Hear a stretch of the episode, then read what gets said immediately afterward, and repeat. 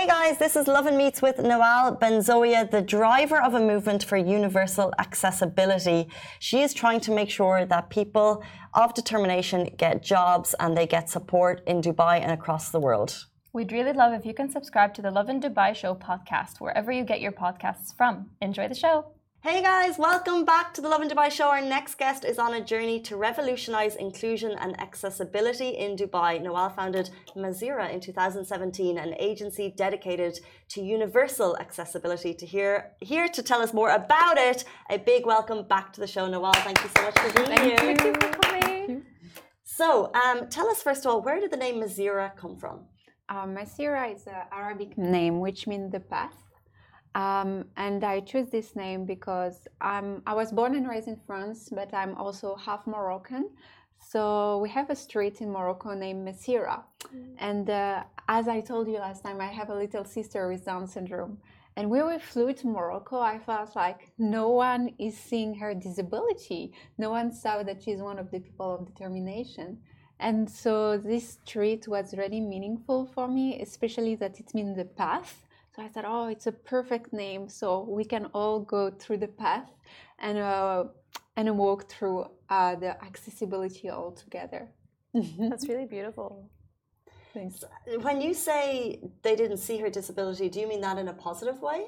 No, I mean in a very positive way. They were treating her like uh, like anyone else. They were not making any difference. They were not trying to do um, some extra efforts to be with her. They were not trying to be um, to treat her differently. If we were going somewhere, they would just go. They would just ask her like they would have asked me. So she never felt that she's different. And so I believe that is on the way that I was raised. This is also why I never felt that she's different. And did you have previous experience that made you felt that she was different when you were growing up? Yes, uh, when I was uh, in primary school, mostly um, people were pointing out saying that she looks like a monster or that she's different because my little sister Salwa doesn't have hair. She had a leukemia when she was young, so um, you can see her the fact that she's with Down syndrome, but also the fact that she doesn't have hair. So for um, kids, you know, they are very innocent, and then when they see a difference, they will point at it because they don't know. So yes, sometimes I felt like I felt like, oh, okay, oh, they found her a bit different, but why?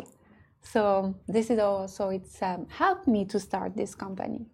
And I know those experiences also drove you to, to write the book. Can you also tell people a little bit about the book as well, just to give people a recap in case they missed the first interview? Yes, so I wrote a book named Maya and Grace, the story of the girl with no hair. And as I mentioned, now you guys understand that my little sister doesn't have hair. The goal of this book is to give awareness to kids and to have um, um, character, a principal character with Down syndrome, um, a person that will be the hero of the book.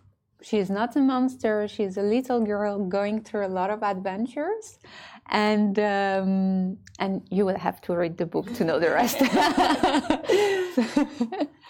um, yeah, I had a question actually. So, um, why do you think people need to know about Masira, and how do you think it would help them? Because I believe that, um, uh, first, let me tell you more about Yeah. Masira. So, Masira uh, was born in 2017. I studied, um, I have a master degree specialized in accessibility and disability, inclusion and education. So, um, I believe that uh, usually when we talk about people of determination, accessibility, we think that it's only organizations that should dive into it. However, I believe that corporate, um, governmental sector, educational sector, high education should also dive into accessibility and understand that we are not only talking about a simple ramp or a simple access for people uh, with mobility impairments. We're talking about the one who are mentally challenged, we have sensory impairments, and and we want to become more accessible in order to create more opportunity for people of determination and have more awareness. So um, that's why I believe that Masira needs to be known. Um, for everyone knowing, it doesn't matter where you're working or what you're doing. You need to know that there is company like us that can help you to become more accessible, to hire people with determination that also have a lot of talents, to uh, create inclusive policy. To um, there is a there is a standard in Dubai that we should uh, that we should apply. So how can we do this? Because when you don't know, you can ask for help. I believe that if we work all together, we can um, we can have a society much more inclusive. Masira basically empowers uh, people of determination, especially in Dubai. Yes, especially in Dubai and in Paris. We have been oh. we have been working uh, very closely with the chair, chair of UNESCO, specialized in uh, disability innovation, assistive technology. And uh, so with them, we create new innovation and we try to have many partnership with big corporates, with universities in order to make, to make change.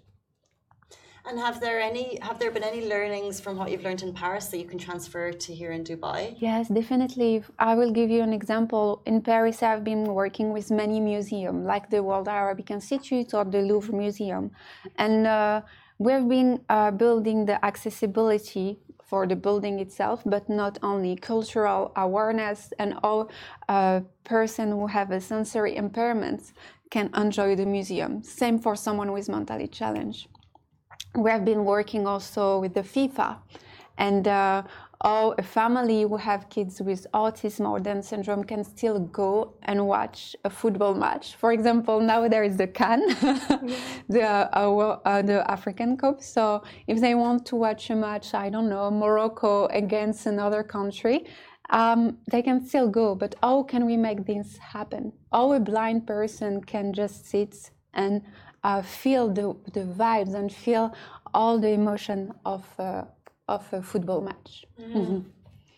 And what do you think are the biggest challenges you're facing when you're trying to kind of get in touch with corporates and companies? Like, what are the biggest obstacles you face? Uh, Sometimes they think that, oh, it's not related to us, or I don't think that we're here yet. I said, okay, but we can work on it. We can make things happen. Just give us a chance, and we can, uh, we can help you to be more accessible or more inclusive.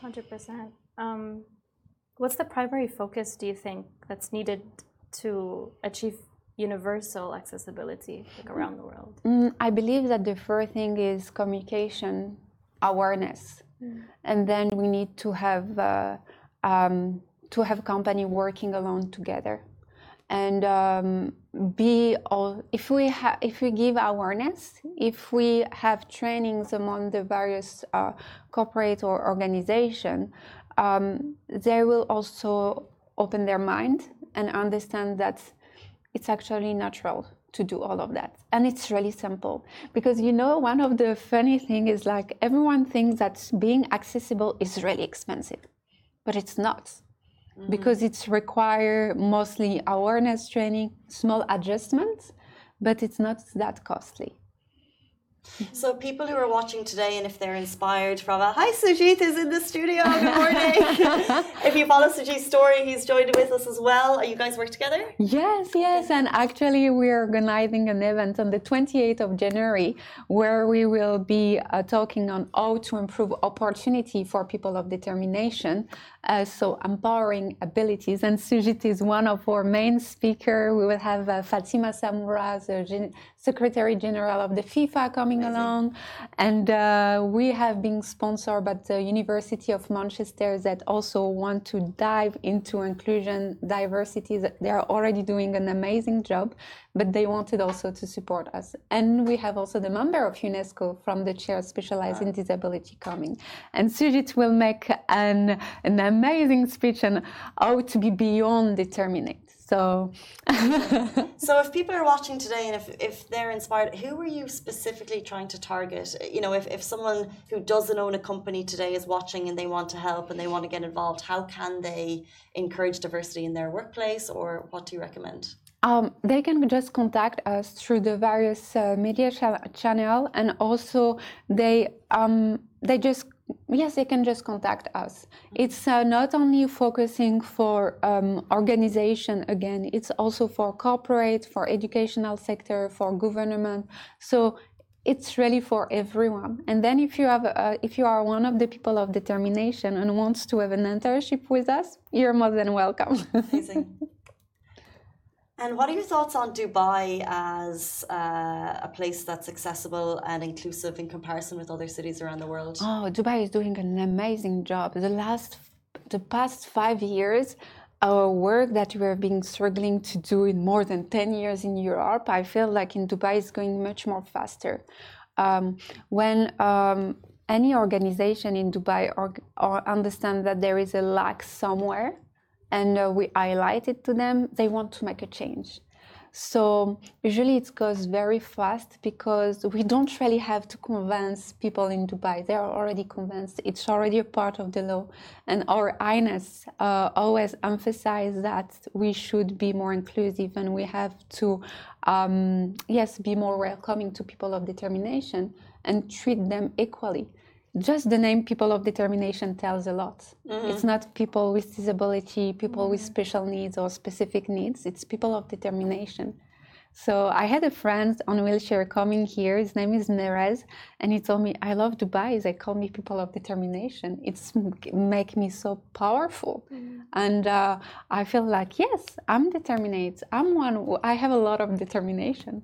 That's amazing to hear I'm actually uh, someone who really like sympathizes and completely understands the importance of accessibility. I actually have a sister who's also wheelchair bound, so I completely understand like your your move and what you're you know, what you're doing and it's very very true that Dubai really does try to promote or like sorry empower people of determination especially giving them the name it completely makes sense to me but like um, I did want to ask how is Masira like um, working to promote inclusive practices?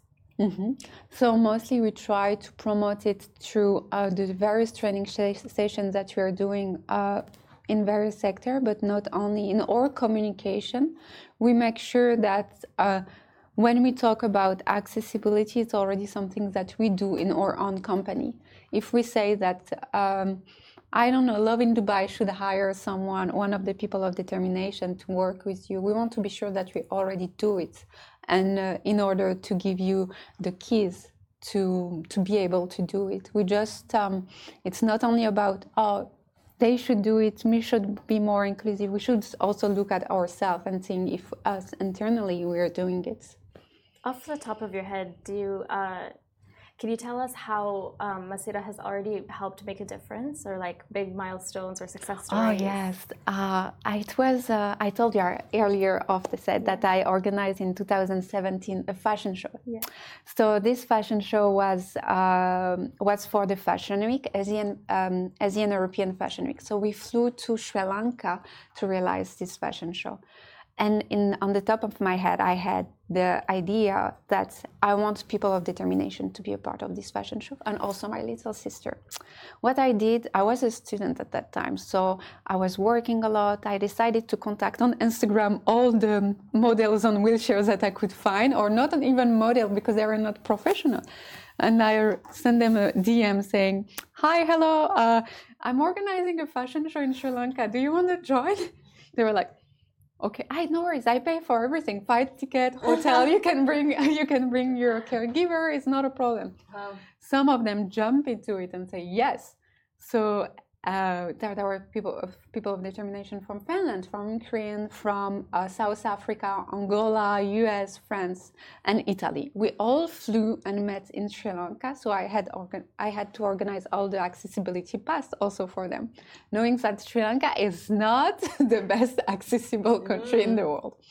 However, we did this fashion show with haute couture designer from France, from US, from Singapore. And who came to my fashion show? The first lady. Usually, when she, like if the first lady passed, she will like five minutes. She stayed the entire show, and then she looked at me and she said, "You did an amazing job." And uh, I was really proud because at that time, you know, I invested all of my money, and some of my family members are like, "No, well, no, you work so hard, don't do that." I said, "No, I have to." it's just the beginning. And I closed the fashion show with my little sister. And then the first lady came to me and said, You're doing an amazing job. In Sri Lanka, we will, will, it will take time for us to be fully accessible. However, I want you to go there to meet this person and we will work on it. Wow. So to, this one was one of the biggest milestones that I achieved because I realized that I had made a change. Because the second day I was invited to make change in Colombo in Sri Lanka. So I felt like, okay, I'm young, and uh, yes, it's just the start, but it's starting so positively. That's so amazing. Um, unfortunately, this is all the time we have for today. But guys, if you're touched by Nawal's story and if you want to get in touch with her, learn more about Masira or the event that they're having at the end of the month, how can they find you? Uh, please just contact us through our Instagram, to our Facebook page, or via email. It will be uh, uh, we will will reply to you. And if you want to come to the event, you're more than welcome. We will send you a registration link. We still have few places left. Uh, places left sorry. So yes we will see you there. Thank you. Thank you guys. That is all we have time for on the Love lovin dubai show this morning but we're back with you tomorrow morning same time same place. Have a brilliant monday and we'll see you then. Bye bye for me. Bye bye bye